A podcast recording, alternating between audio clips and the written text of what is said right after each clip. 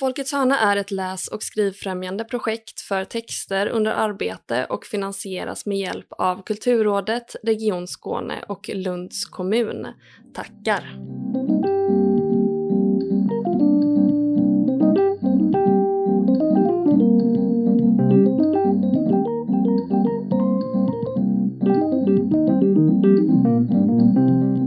Hej och välkomna till Folkets hörna, en podcast om den skrivande praktiken med mig, Emilia Palmén, och med dig, Agnes Stenqvist. Yes. Idag så kör vi en liten specialare. Eh, vi har ju fantastiska tillgångar i Folkets hörna som vi måste utnyttja. Eh, så därför så välkomnar vi idag vår helt egna skrivguru Therese Granvald. Hej! Hej! Hur är det med dig? Ja, men det är bra med mig. Jag är rysansvärt förkyld. Eh, så jag ber på förhand om ursäkt för alla Darth Vader-liknande ljud som jag kan bidra med i den här podden. Eh, det ska nog gå bra, annars så får Klara jobba hårt. Mm. Men annars, det är alldeles utmärkt. Kul att få vara med i podden. Ja, kul att ha dig här. Du jobbar ju som eh, skrivpedagog mm. eh, och är en skrivande person. Eh, kan inte du berätta lite om hur du hamnade där du är idag, skrivmässigt liksom? Ja, alltså det är bara, det är som med livet i stort, alltså en serie tillfälligheter egentligen. Jag hade aldrig tänkt mig egentligen att jag skulle eh, syssla med just skönlitterärt skrivande eller lära andra att skriva skönlitterärt. Um, jag tänkte att jag skulle, när jag var ett barn då, så tänkte jag att jag skulle bli antingen eh, sångerska eller skådespelerska. Det var liksom mina, mina drömmar. Så. så gick jag en musikhögskola eh, i London precis efter gymnasiet. Och det var en sån här, eh, ett stort och lite negativt uppvaknande för mig hur det kunde vara att gå konstnärlig utbildning. Um, mm. För jag eh, kom dit och hade liksom en, eh, en vision om att det skulle vara som bara en förlängning av kommunala musikskolan i Visby. Eh, att vi skulle ha det så superhärligt och musicera och jag gick en jazzlinje. Att det skulle vara väldigt jämlikt och lekfullt och eh, högt i tak och att jag skulle få vara ett instrument med min röst. Jag hade liksom så här jättetydlig bild av hur det skulle bli. Så kom jag in i en väldigt eh, hierarkisk miljö. Allting var väldigt mätbart och vi konkurrerade stenhårt med varann. Och jag kände ganska snabbt att jag förlorade glädjen med att hålla på med musik. Jag ville inte, jag tyckte inte det var roligt alls längre. Så jag stod där liksom och hade kommit in på den här jätteprestigefyllda utbildningen och var väldigt ung och hade inga pengar och jag fattade inte vad ska jag göra nu då? Liksom, hela den här stora musikerdrömmen bara eh, frös. Så då eh, på vinst och förlust så liksom åkte jag hem och anmälde mig till sista minuten-platser på universitetet. Någonstans i Sverige där de hade en plats för mig. Eh, och då eh, kom jag in på att läsa svenska språkvetenskap. Eh, och då tänkte jag så här, det, det, blir bra för då kan jag bli lärare. Liksom. Då kan jag läsa lite svenska och så har jag ju musiken. Ja men det här kommer ordna upp sig. Nu kommer det bli styr på Granvald eh, till sist här i livet. Eh, så då hamnade jag i Lund eh, och eh, var så fruktansvärt pank. Alltså jag var jag var så jäkla pank efter att ha bott i London och inte haft några pengar och studiemedel och så. Eh, så jag eh, tog ett jobb eh, på expeditionen där på Nordiska språk. Och då satte jag upp lappar om sök till våra kurser. Rarara. Och då fanns det en kurs där som hette Författarskolan. Jag såg lappen och tänkte, ja, Why not? Typ. Eh, jag hade insett att jag gillade att skriva. Jag skrev mycket musik. Jag hade skrivit mycket musik till mig själv och till även andra artister. Men att det var inte så mycket så här, själva musiken som var mitt stora intresse i låtskrivandet utan det var att skriva text. Mm. Eh, så ja, jag tänkte väl författarskola, ja det låter ju skojigt, jag kan säkert söka dit med några låttexter. Eh, vilket jag gjorde och till min extrema förvåning kom jag ju in eh, där. Och det här var 2003. Så det, det var liksom det första som jag skrev som var skönlitterärt eller så här, i, ens tänkte tanken var det där arbetsprovet. Mm, så, började, så gick jag där på författarskolan eh, 2003 till 2005 eh, och bara blev helt liksom biten. Alltså det var som att jag plötsligt bara, allt som var jag, alla bitar av mig föll på plats när jag fick skriva skönlitterärt. Eh, hade ingen aning om vad jag gjorde. Jag mm. kommer inte från ett hem eh, där man läste rätt typ av litteratur. Men eh, där det lästes. Min mamma prenumererade på Harlekin, alla serier, mm. Passion, eh, och mystik och crime, Harlekin och allt sånt. Och min pappa läste eh, jättemycket typ Agatha Christie och deckare och sådär. Så det fanns jättemycket böcker i mitt hem. Jag hade liksom ingen, jag hade inte läst, förutom att vi hade läst klassikerna i skolan liksom, så hade jag aldrig läst skön, alltså fin litteratur. Um, eller det som kallas fin litteratur. Så det var också så här jättestort. Jag bara upp, upptäckte böcker. Liksom. Uh, mm. Och kände att jag hade sånt behov av att bara läsa och skriva. Det var det enda jag ville göra. Så jag hade gått två år på författarskolan tänkte jag, jag är inte klar med det här liksom. Jag får nog börja jobba här, för det var liksom min enda lösning på mm. Eh, att inte ramla ur miljön. Eh, så då, jag var så ung och eh, naiv, ung och dum. Eh, så jag bara sa liksom, att, eh, för just då hade vi bara en enda kvinnlig lärare på hela utbildningen. Så, så jag tycker det är för dåligt med kvinnliga lärare här. Jag tycker ni behöver en till. Jag är kvinna. jag är kvinna, så jag kan börja jobba här. Eller vad säger ni? Eh, så jag, jag fattar inte riktigt så hur det gick till, men jag fick i varje fall börja jobba på timmar. Liksom. Framförallt då först eh, börja eh, undervisa lite, skriva låttexter. Och det där växte ganska snabbt. Så efter två år efter jag hade tagit examen så, så jobbade jag halvtid på författarskolan och jobbade halvtid på Högskolan Kristianstad med att driva en massa nätkurser i kreativt skrivande. Sen blev det att jag liksom, eh, fick en heltidstjänst på författarskolan och blev koordinator för utbildningen eh, och jobbade där liksom på heltid eh, mellan ja, 20, ja, vad kan det ha varit? 10 och 16 så var jag där på heltid. Mm. Innan dess var jag där liksom halvtid eller 75 procent. Och sen lämnade jag utbildningen 2017 och eh, började jobba på Skurups folkhögskola istället, på skrivarlinjen där. Ja, och sen så där bara... vi träffades. Ja, det var där vi träffades. Mm. För transparensens skull så ja, jag tänker att vi nämner det. Exakt, det var där vi träffades. Det var...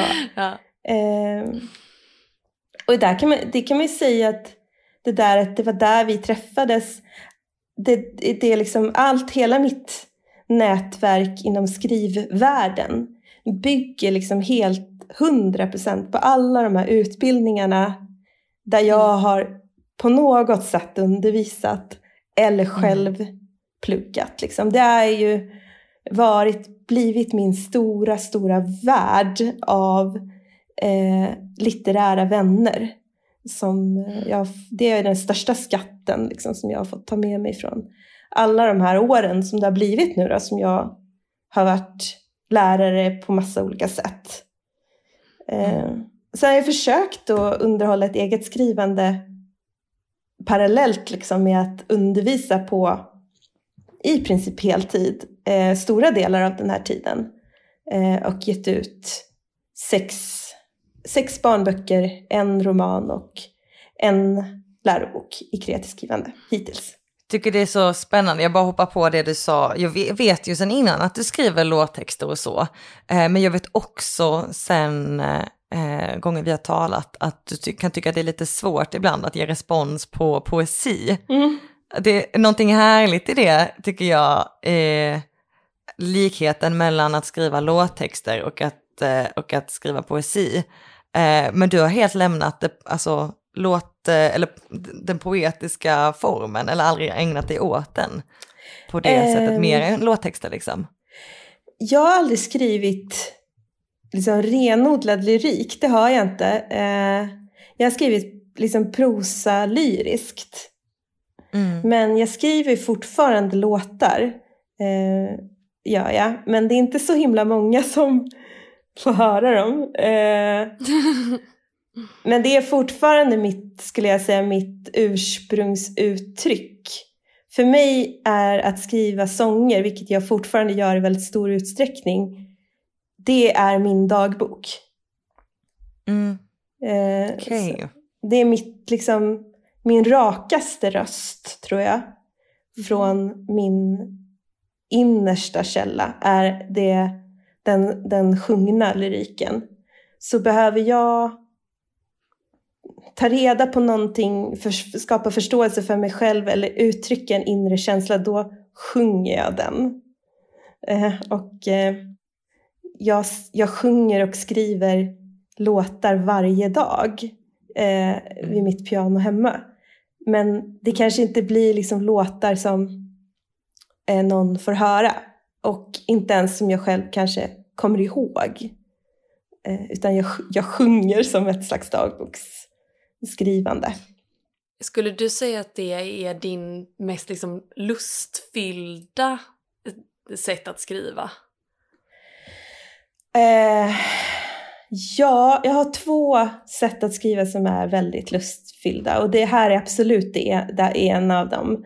Eh, jag tycker att det är så meditativt att sitta vid pianot och sjunga.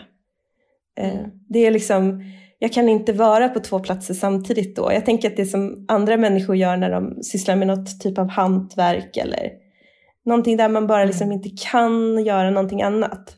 Eh, Så det är mitt ena. Det andra är ju eh, jag älskar ju mitt skönlitterära skrivande också. Jag har ju liksom ett, eh, ett djupt och innerligt kärleksförhållande till det. jag älskar att vara i det där eh, skrivande tillståndet som är så enormt likt mina bästa lekar som barn. Och berätta mer. Eh, jag älskade att leka själv.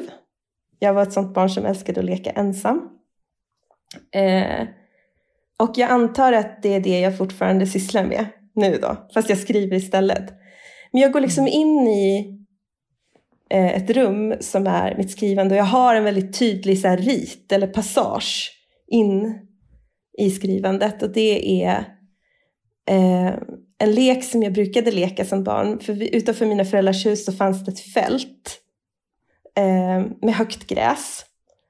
Och det där gräset kunde liksom gå upp så här så att det gick typ till axelhöjd på mig när jag var sex, sju, åtta år. Liksom. Eh, och där brukade jag leka eh, att jag var en vilde. Liksom att jag var en, en typ en så här eh, native american. liksom, eller en, eh, eh, så, som levde liksom på slätten eller prärien och hade vilda hästar. Och jag bara sprang runt på det här fältet och skrek och sjöng och eh, lekte ute på det här fältet. Och eh, där, kunde vara, där kunde jag vara vad som helst. Jag kände mig så otroligt vacker och stark och kompetent och fri och vild och rå och underbar. Liksom. Eh, och jag kan liksom känna det där fältet så otroligt tydligt. Sen när jag blev tonåring så gick jag liksom varv efter varv efter varv på samma fält och sjöng och skrev låtar. Liksom. Eh, och nu när jag ska skriva så jag sätter mig vid datorn och blundar så kan jag ta mig till fältet. Så jag får liksom upp den här känslan av att jag är så jävla stark och jag har kraft och jag kan fantisera upp vad som helst. Och jag går in i det där rummet, alltså det är ett rum fullt av hybris. Så man måste ju sen mm. ta sig ut i det här rummet och typ titta på vad man har gjort på ett nyktert sätt. Eh, men jag dyker, liksom, jag håller andan och så skriver jag så länge som det räcker. Alltså så länge som jag kan hålla andan i princip. Alltså jag andas ju, men känslan av att hålla andan. Och sen så skriver jag och sen så går jag ur det. Och det där tror jag att jag kan göra. Alltså, eftersom jag har tillgång till den där fantasivärlden och den där kraftkällan fortfarande så, så kan jag gå in i mitt skrivande hyfsat lätt. Liksom. Det där är, min, det är nog min största tillgång eh, som författare. Att jag kan göra det där. Och jag vill så himla gärna kunna så inspirera andra eller de jag möter som skriver. Jag möter ju så många som skriver. Att få hitta den där källan inom sig själva. Liksom. Få tillgång till den. För när jag ser det hända hos någon annan då är det ju det är nästan det mest magiska med att vara skrivpedagog. Mm. Det låter väldigt liksom meditativt ofta så här i meditationer så ska man ju då gå till en sån här plats typ från ens mm. barndom eller och liksom så här, också det här med att dyka ner och, och sådär. Är det här, alltså, är det här någonting som så bara har kommit eller är det någonting som du medvetet har liksom tagit dig till den här platsen, ditt fält liksom? Nej, det har faktiskt bara kommit. Uh... Har det alltid varit samma, alltså under hela, all tid som du har skrivit? Eh. Ja, alltid. Mm. En, mm. Alltså, för det är på något sätt som att leken jag lekte när jag blev tonåring rann över till att leka leken skriva låtar. Och då mm. lekte jag det på samma plats. Eh, det, var bara, det var bara den ena leken blev den andra leken. Och sen så var det så jag lärde mig att skapa. Jag hade ingen förebild runt omkring mig som skapade. Alltså som skrev eller skrev låtar på det sättet i min absoluta närhet. Så det var min egen skola liksom. Att leken blev skapandet och sen har jag nog hållit det där rummet eller min metod för skapandet ganska hemlig länge tills jag började fatta att varför behöver den vara det? Det, det här är ju också ett sätt att göra. Liksom. Eh, mm. Och sen så är ju det här är ju verkligen bara en, en del av skrivprocessen. För skrivprocessen är ju, jag skulle säga att det här är alltså första, första delen av skrivprocessen där det handlar om att skrivandet ska få ta plats och få ta fart. Men sen så går det ju absolut inte, skulle jag säga, att, att eh, se det som en fullständig process som blir sen en kreativ produkt. För den, då måste du genom massa andra stadier. Eh, och där har jag ju fått lära mig, jag håller fortfarande på att lära mig väldigt, väldigt mycket om hur jag ska ta mig från den där delen av skrivandet och orka hela vägen in i mål. Mm. Men du, skriver ju just nu mm. på en, en roman. Mm. Eh, var i den processen är du just nu? Hur ser den ut? Ja, alltså det här är ju, det som jag skriver på nu är ju en, en bok som är enormt viktig för mig och ligger mig så, alltså kanske viktigast och närmast mitt hjärta. Eh, det är en bok som är en memoar tror jag man kan kalla det. Eh, det är liksom, låter lite konstigt på svenska men i den engelska eller amerikanska utgivningen så finns memoir, här, en litterär memoir som en ganska stor genre ändå. Eh, men det är alltså en bok som handlar om mig själv och min syster. Eh, jag har en 17 år äldre syster som eh, fick en hjärnskada när hon föddes. Eh, så hon har ju då en intellektuell funktionsnedsättning.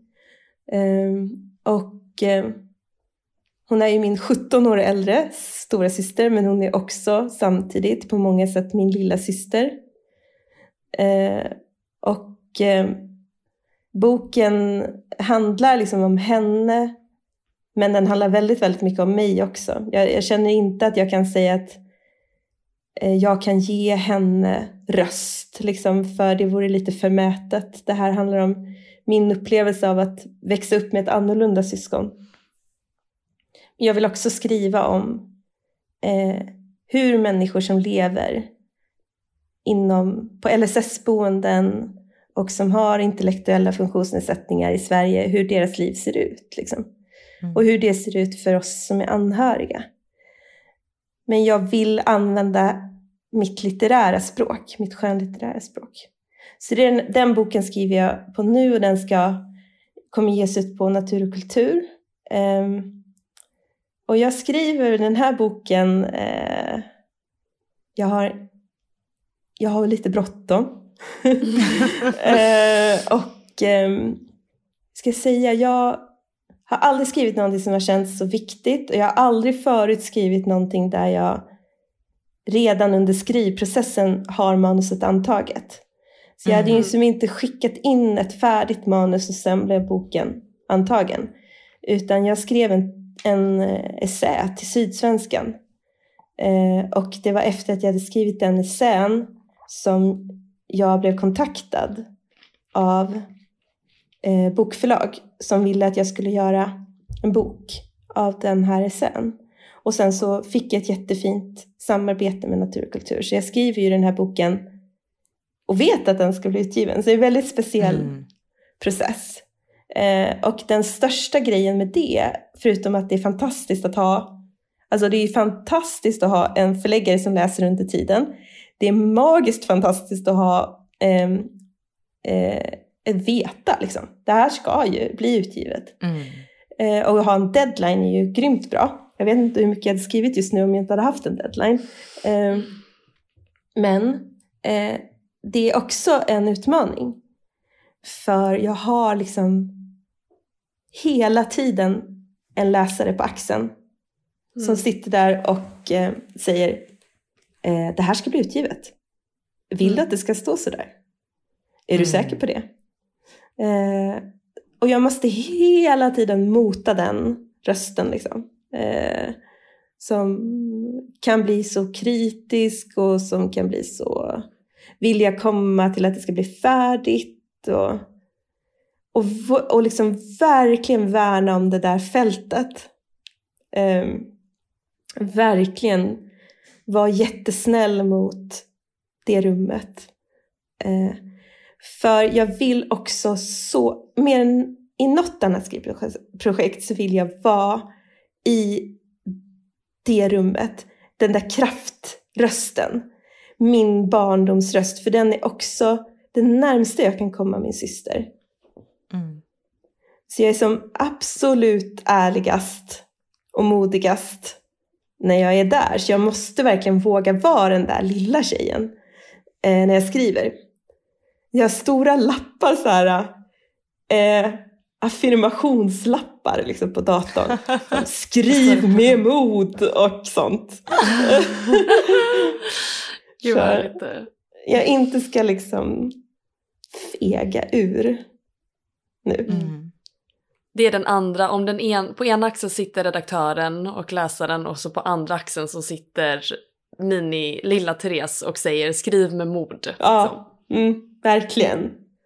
Mm. Eh, och jag vill så himla gärna eh, göra min syster och min familj liksom rättvisa någonstans eh, via den här texten. Men jag vill också att människor ska få veta hur det faktiskt är. Alltså jag tror inte att så många har koll på hur enormt dåliga, fruktansvärda förhållanden som väldigt många som lever inom LSS-världen har i Sverige. Eh, ekonomiskt, praktiskt, känslomässigt. Eh, förutsättningsmässigt, jämställdhet, alla sådana saker. Det är en så viktig bok för mig.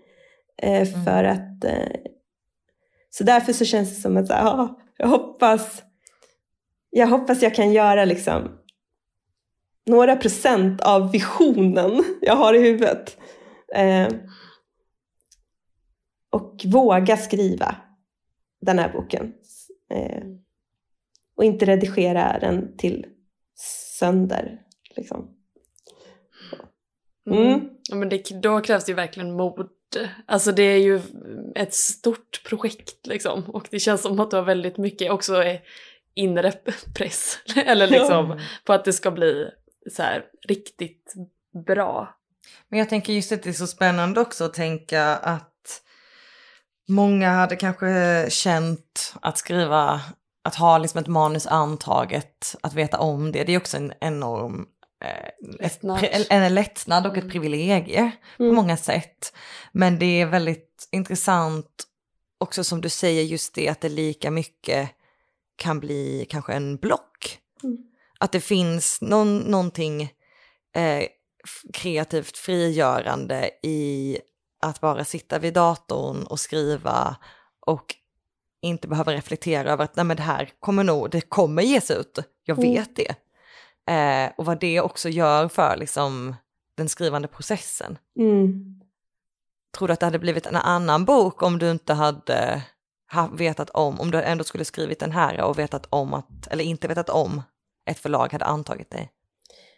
Ja, det kanske jag hade blivit. Eh, framför allt så vet jag inte om jag hade skrivit den boken nu. Mm. För att den kräver så mycket av mig. Eh, men jag är otroligt tacksam att det blir en bok nu. Eh, och jag vill det mer än an- allting annat. Eh, och det känns som att det är rätt tid. Det är hög tid. Mm. Liksom. Inte för mig, men för den här gruppen människor. Att, att få höras lite mer. Om den här boken skulle kunna bidra till det, det får vi väl se då. När den, när den väl finns. Men eh, jag märkte det i varje fall när jag hade skrivit den här essän till Sydsvenskan. Att, att den fick ett genomslag. Jag har aldrig fått ett sånt genomslag på någonting jag skrivit som den ändå relativt korta texten som bara var liksom, tre uppslag i en söndagsbilaga. Um, den fick ett annat gehör. Liksom. Den behövdes, den fyllde en plats. Um, men det som är speciellt med den här processen är ju att jag tänker och säger till alla som jag eh, träffar, som skriver och som jag är lärare till, att jag vill att de ska få otroligt länge, så länge de bara kan vistas i ett skrivande som finns till för dem själva. Alltså, man skriver och man underhåller sig själv. Man skriver Mm. och eh, undersöker saker och lär sig och vänder texten inåt. Egentligen så skulle man kunna skriva texten helt oläslig. Eh, om man inte går skrivutbildning och måste visa sin text för någon annan så spelar det ingen roll. Allt är möjligt liksom. Du behöver inte bestämma dig vad det ska vara för tempus. Du behöver inte bestämma dig för något berättarperspektiv. Du behöver inte bestämma dig för någon jäkla genre eller ha, ska den här, är det något förlag som vill ha den eller vad är intressant just nu? Eller är det här en novell eller roman? Eller är det lyrik eller är det prosa? Skitsamma, liksom. allt är möjligt. Jag vill att alla ska få vara där så länge som möjligt i sin skrivprocess. Och det kan man bara vara när man vänder texten helt inåt egentligen. När den bara är författarens. Men i det ögonblick som texten ska gå från att vara bara författarens till att bli någon annans. Liksom, bli läsarens. Nå ut till en läsare. Mm. Då måste den börja bestämma sig för vissa saker. Och då måste man stänga vissa dörrar och då måste man styra upp den. Inte för mycket, men precis lagom mycket. Eh, och den börjar, måste börja kommunicera. Liksom. Mm. Och då är man inne i en annan del av skrivprocessen. Det som är, det som är klurigt för mig just nu det är att i min skrivprocess att jag vill verkligen skriva den här boken till mig och till min syster. Men jag har en deadline. Jag vet väldigt, väldigt, väldigt tydligt att den ska kommunicera. Den har ett syfte att kommunicera, den har ett mål att kommunicera. Jag vill det.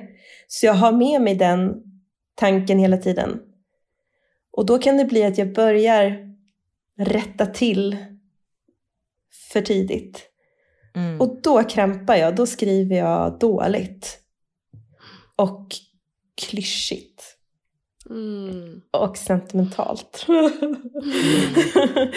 så jag får ju hela tiden så här, hur, hur, eh, jag får ruska liv i det där fältet.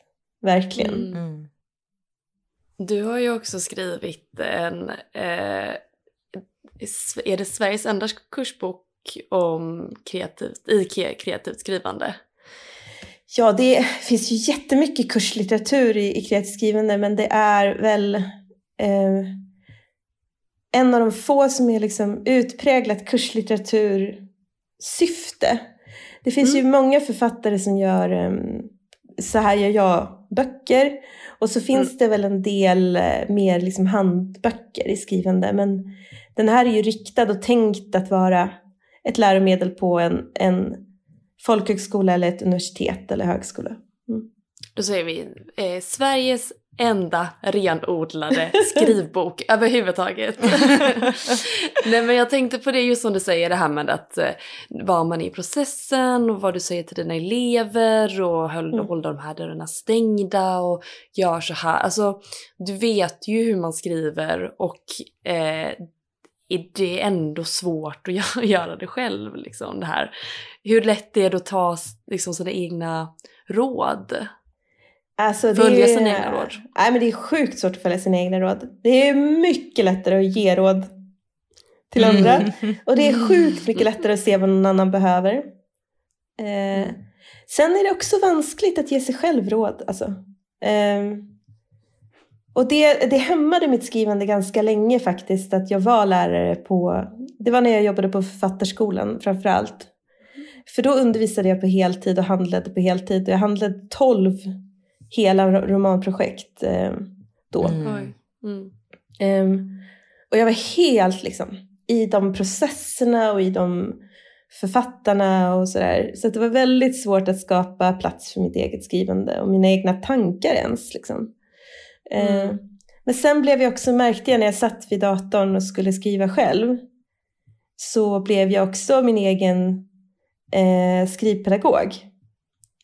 Och så satt jag liksom och det här scenen borde gestaltas och här skulle man kunna gå ut och in ur scenen lite tidigare och vart är placeringen på den här dramatiska kurvan och känn dig fri nu Therese, bara skriv och redigera sen och göra det.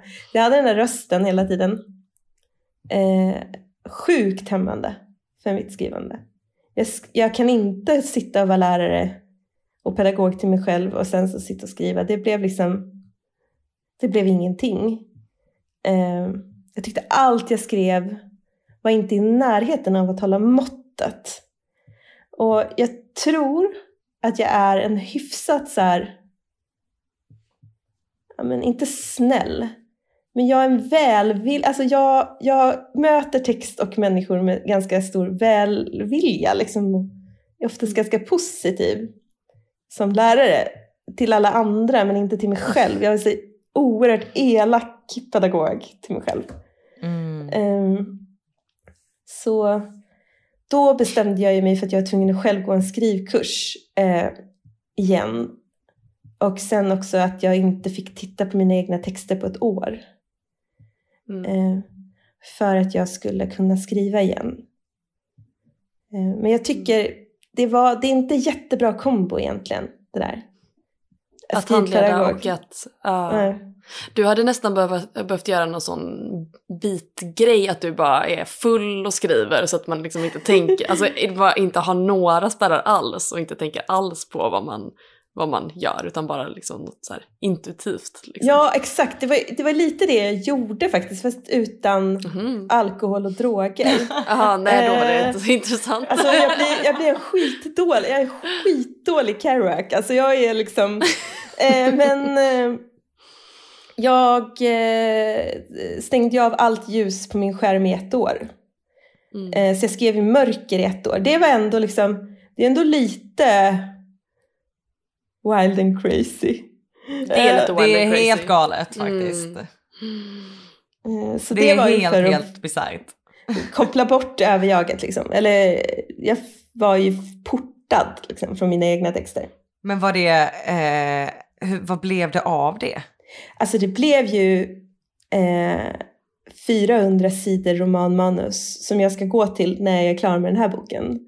Eh, Ah. Nu kommer ju den här boken emellan liksom. Eh, för att den, den behövde komma emellan. Och nu skriver jag också uppföljningsbok på min, eh, mitt läromedel i kreativt skrivande. Så nu kommer ju, nästa år kommer också del två av den Mm. boken. Mm. Eh, Så de två böckerna måste jag bli färdig med först. Men jag har ju ett råmanus eh, som jag skrev i blindo då. Eh, som jag sen också hade med mig delar av in i en kurs som jag själv gick med Monica Fagerholm. Eh, Just det. och eh, nu har ju det manuset fått vila, men jag tycker fortfarande, alltså det var ju det värsta konstiga, knasiga dokumentet någon någonsin öppnat. När jag öppnade det där Mm. dokumentet. Men eh, eh, bitar av det är det som jag har skrivit, tror jag, som jag absolut mest stolt över. Som jag, alltså jag var så chockad. Va? Har jag skrivit det? Jag har Inget minne av det. Typ, jag måste varit full när jag skrev det. Fast obs, jag var inte det. Eh, Sure. Nej men seriöst! Eh, så det ska jag väl, vi får se. Eh, jag lär mig saker om skrivandet hela tiden. Jätte, jättemycket av att vara pedagog. Det är som bästa skrivarskolan. Eh, men också av att försöka skriva läromedel i kreativt skrivande har jag lärt mig mycket. Eh, så jag eh, har en massa idéer nu på vad som ska fixas till med den där romanen. När jag ska tillbaka till den eh, efter att jag är klar med det här lilla projektet. De, de, de två små projekten som Mm. håller på med. Ja, precis. Jag och Agnes pratade om det också. Att vi, har, ju- vi har ju känt dig i några år eh, Mm. och att det känns som att du har dina sådana här tricks för dig. Att det är liksom så här, nu är det här och nu är det här. Nu släcker jag skärmen. Nu släcker jag skärmen och Nu sådär. skriver jag baklänges. Ja, typ. ja, men lite så. Är det, håller du på med något sånt eh, tricks eh, nu för tiden? Med det du skriver nu? Nej. Nej. Nej. Jag tänker nu jättemycket här. Jag är det. Nej, inget tricks just nu. Nu har jag inte tid med tricks. Eh, nu är det framåt, framåt, Seriöst. framåt. Ja. Mm. Och nu är jag ju... Nu så har jag ju... Jag ju sån himla... Det är sån lyx i det här skrivprojektet, alltså båda skrivprojekten egentligen, att jag har liksom extremt kvalificerade läsare eh, som läser längs vägen. Eh, på, även på studentlitteratur då som är de som sköter hanteringen av mitt läromedel så har jag liksom en jättebra förläggare och bra redaktör och jag kan liksom portionera ut mina inlämningar till dem. Så att eh, jag har ju plötsligt liksom en stödapparat.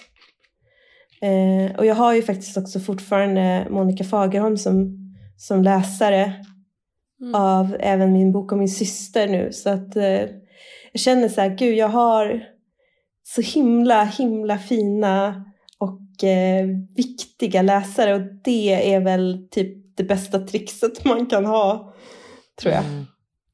Definitivt. Vad ska man säga, hur eh, ser det ut om du har den bästa skrivdagen någonsin? Mm, den har en jättetydlig rutin. Fan, jag har kanske ett trix ändå. Ja, okej. Ehm, nej, men den går till så här. Ehm, börja, börja dagen med, ehm, efter att jag har lämnat min son på skolan, så ska jag springa. eh, så jag lämnar honom i löparkläder. och eh, sen så springer jag. Eh, och då ska jag springa 30 minuter. Och så springer jag in till skrivbordet. Eh, så jag får inte lyssna på något eller, eller liksom ha något ljud eller någonting. Utan jag, jag gör som Björn Ulvaeus när Björn Ulvaeus skrev texten till Take a chance on me. det Han joggade fram den texten. Asså? Ja, take a chance, take a chance, take a, take a, take a chance. Ja men det kan man nog ändå känna. Ja. Ja, ja. Mm. Exakt, så man joggar, man joggar in sitt skrivande så kommer man i löparkläderna, sätter sig vid datorn, skriver eh, 30 minuter. Eh, bara liksom i ett enda foff. Så. Eh, och sen efter det så spela piano, sjunga, typ 30 minuter. Fortsatt svettig liksom. Eh, Sen eh, ett pass till, skriva över datorn, 30 minuter. Eh, sen är det mellanmål. Eh, och sen är det an, ja, helst 30 minuter skrivande till. Och sen resten av dagen så får jag läsa. Eh, och då läser jag både andra böcker som ligger liksom in, i genre-närhet eh, till det jag håller på och skriver eller att jag läser på till, till läromedlet. Liksom. Eh, och sen är dagen slut. Mm. Tycker det är så skönt när någon har ett sånt tydligt recept för mm. en skrivdag. Att det är verkligen så. 30 minuter här, 30 minuter här. Det, mm. Då vill man själv bara testa det också. Brukar det funka? Brukar du kunna, alltså hur, hur många, hur ofta blir det den här ultimata skrivdagen? Alltså hyfsat ofta ändå tycker jag. Eh, mm, jag, mm. jag. Det har varit lite, alltså det beror ju väldigt mycket på så yttre faktorer eh, som mm. kan ställa till det. Eh, av typen sjuka barn, vara sjuk själv, eh, Mm. Sådana saker.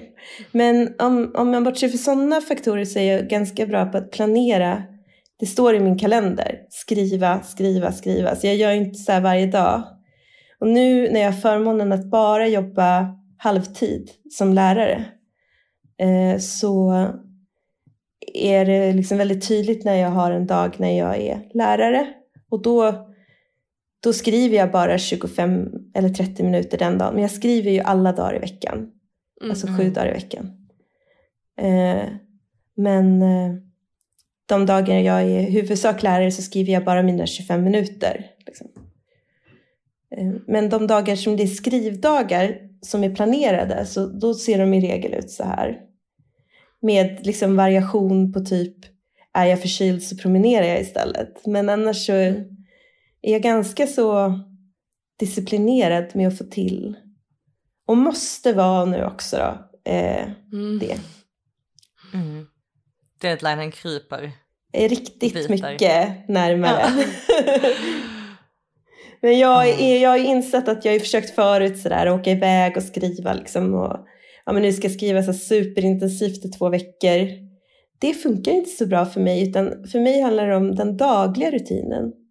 Mm. Som är jätte, jätteviktig. Att skrivandet faktiskt ska få vara en lika självklar rutin som att exempelvis borsta tänderna. En dag utan skrivande är inte.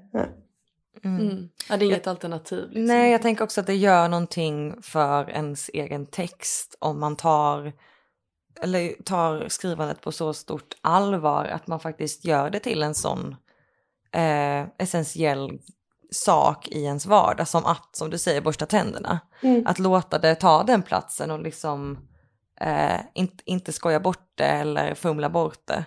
Mm. Att det gör väl någonting med ens relation till ens text. Mm. Där man når mycket, det känns mycket mer intimt också. Ja, Stort. det är så mycket lättare att komma tillbaka till texten om du är i texten hela tiden. Tar du långa mm. pauser ifrån den så är det för mig i varje fall så, så är det så himla så här, ja men som att doppa sig första doppet i kallt vatten. Men det gäller liksom att hålla sig i vattnet så är det inte lika jobbigt varenda gång du ska doppa dig. Och mm. Jag försöker hålla mig i texten. Men det är också inte bara så relationen till texten, det är relationen till mig, att jag är en skrivande människa. Mm. Eh, som jag är den enda människan som ska se till att jag är det. Eh, och det är viktigast för mig. Det är viktigare för mig än det är för någon annan. Och då, då, då måste jag ju också se till att vara det. Genom att faktiskt, det är precis som att jag vill inte få tand, alltså jag vill inte få tandtroll, jag på att säga. Mm. um, Eh, och jag vill, eh, jag vill få lite tänderna och jag vill gärna skriva. Och jag vill inte vara hungrig så jag äter. Så. Men något som är nytt för mig eh, under den här skrivprocessen och jag vet inte om det har med just, alltså nu tänker jag på den boken om min syster som jag skriver att eh, nytt för den skrivprocessen är att jag skriver för hand. Mhm. Ja, det, nu är det nya tricks här. Ja, nu kommer det nya tricks. Jag har, all, jag har inte varit en sån som skriver för hand, men den här boken skriver jag för hand. Mhm. Hur, Hur kommer kom- det sig? Smurf. Smurf. Eh, jag, jag, eh, ja, det började egentligen som en praktisk eh, grej. Jag eh, har haft ett barn som har varit sjukt i ett år. Eh, och eh, då måste man hitta lösningar på hur man ska skriva. Han är extremt hänsynsfull till mitt skrivande. Eh, han tycker också att det är väldigt viktigt. Det tycker jag är en sån... Jag är så sjukt stolt över att min son tycker att mitt skrivande är viktigt.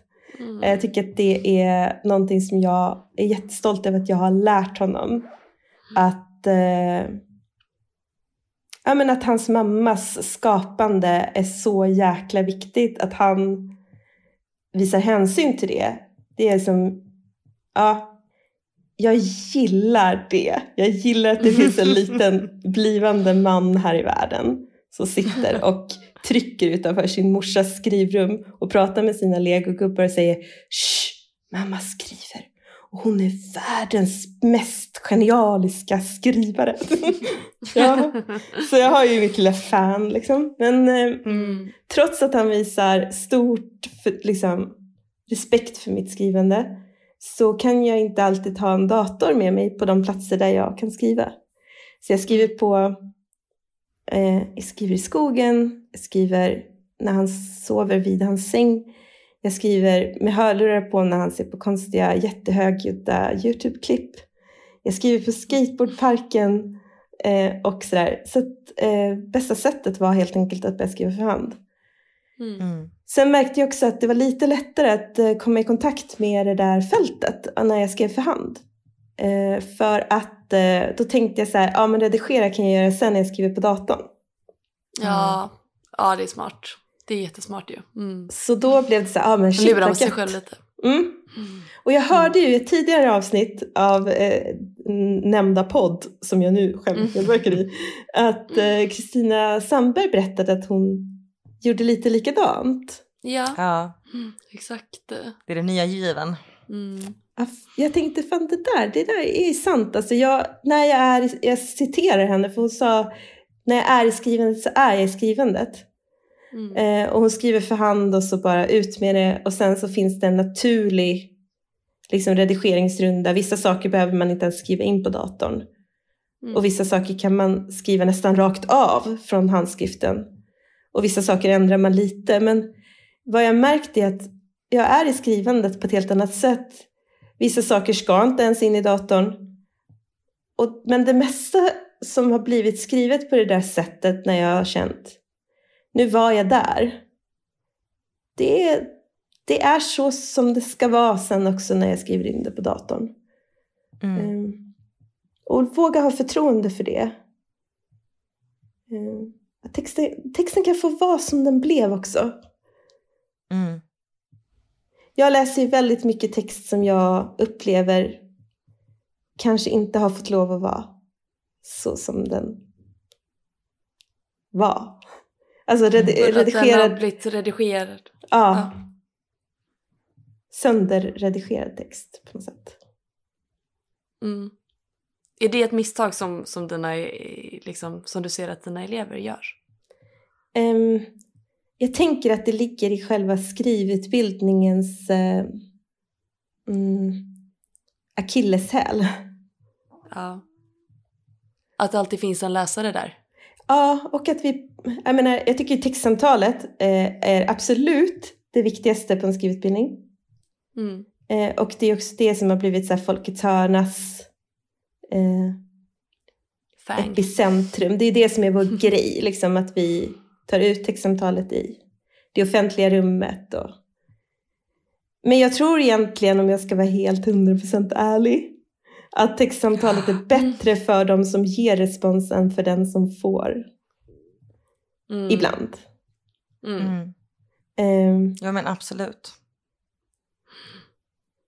Alltså det kan, man kan få supermycket ut av att få respons också men det där när man är inne i man är ju inne i varandras pågående processer och om det då blir en röst som sitter på axeln under skrivandet så kan texten riskera att bli tillrättalagd. Mm. Och tänkt och låsa sig för tidigt. Mm.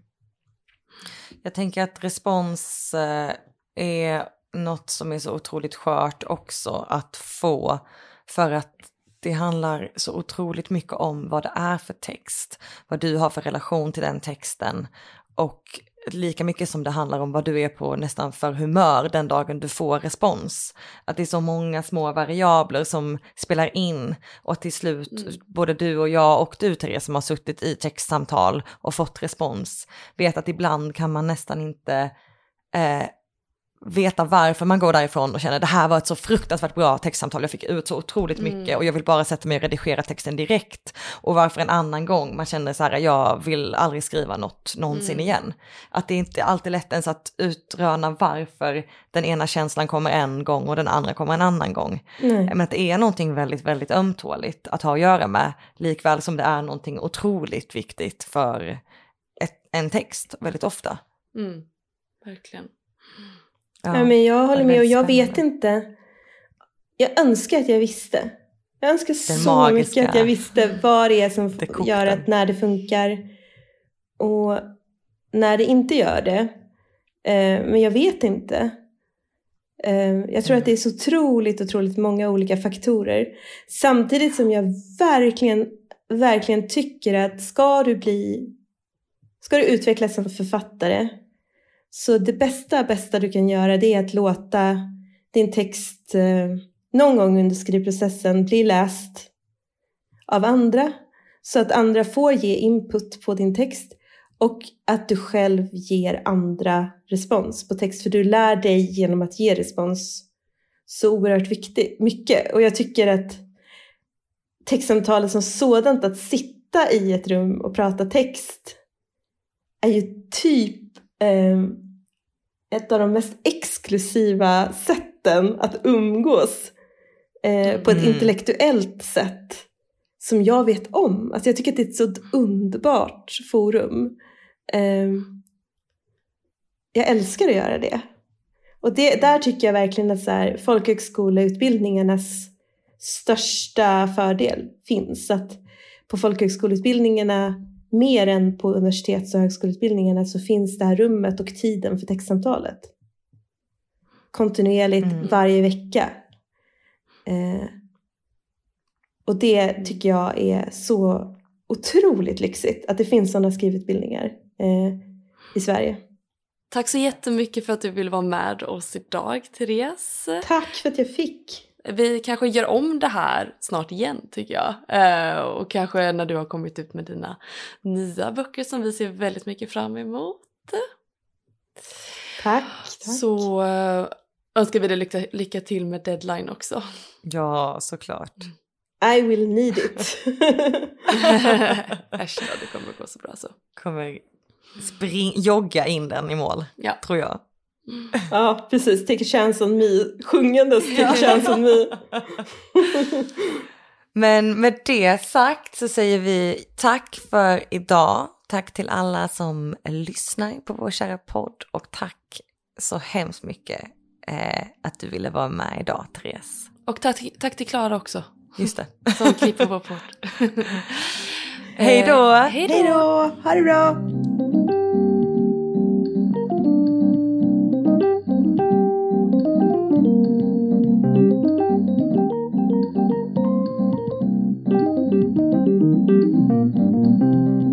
vad kul att ni lyssnat på Folkets hörna. Har ni några frågor eller vill komma i kontakt med oss så kan ni mejla på hej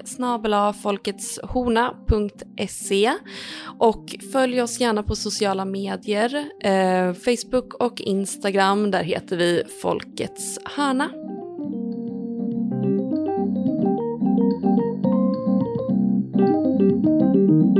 Mm.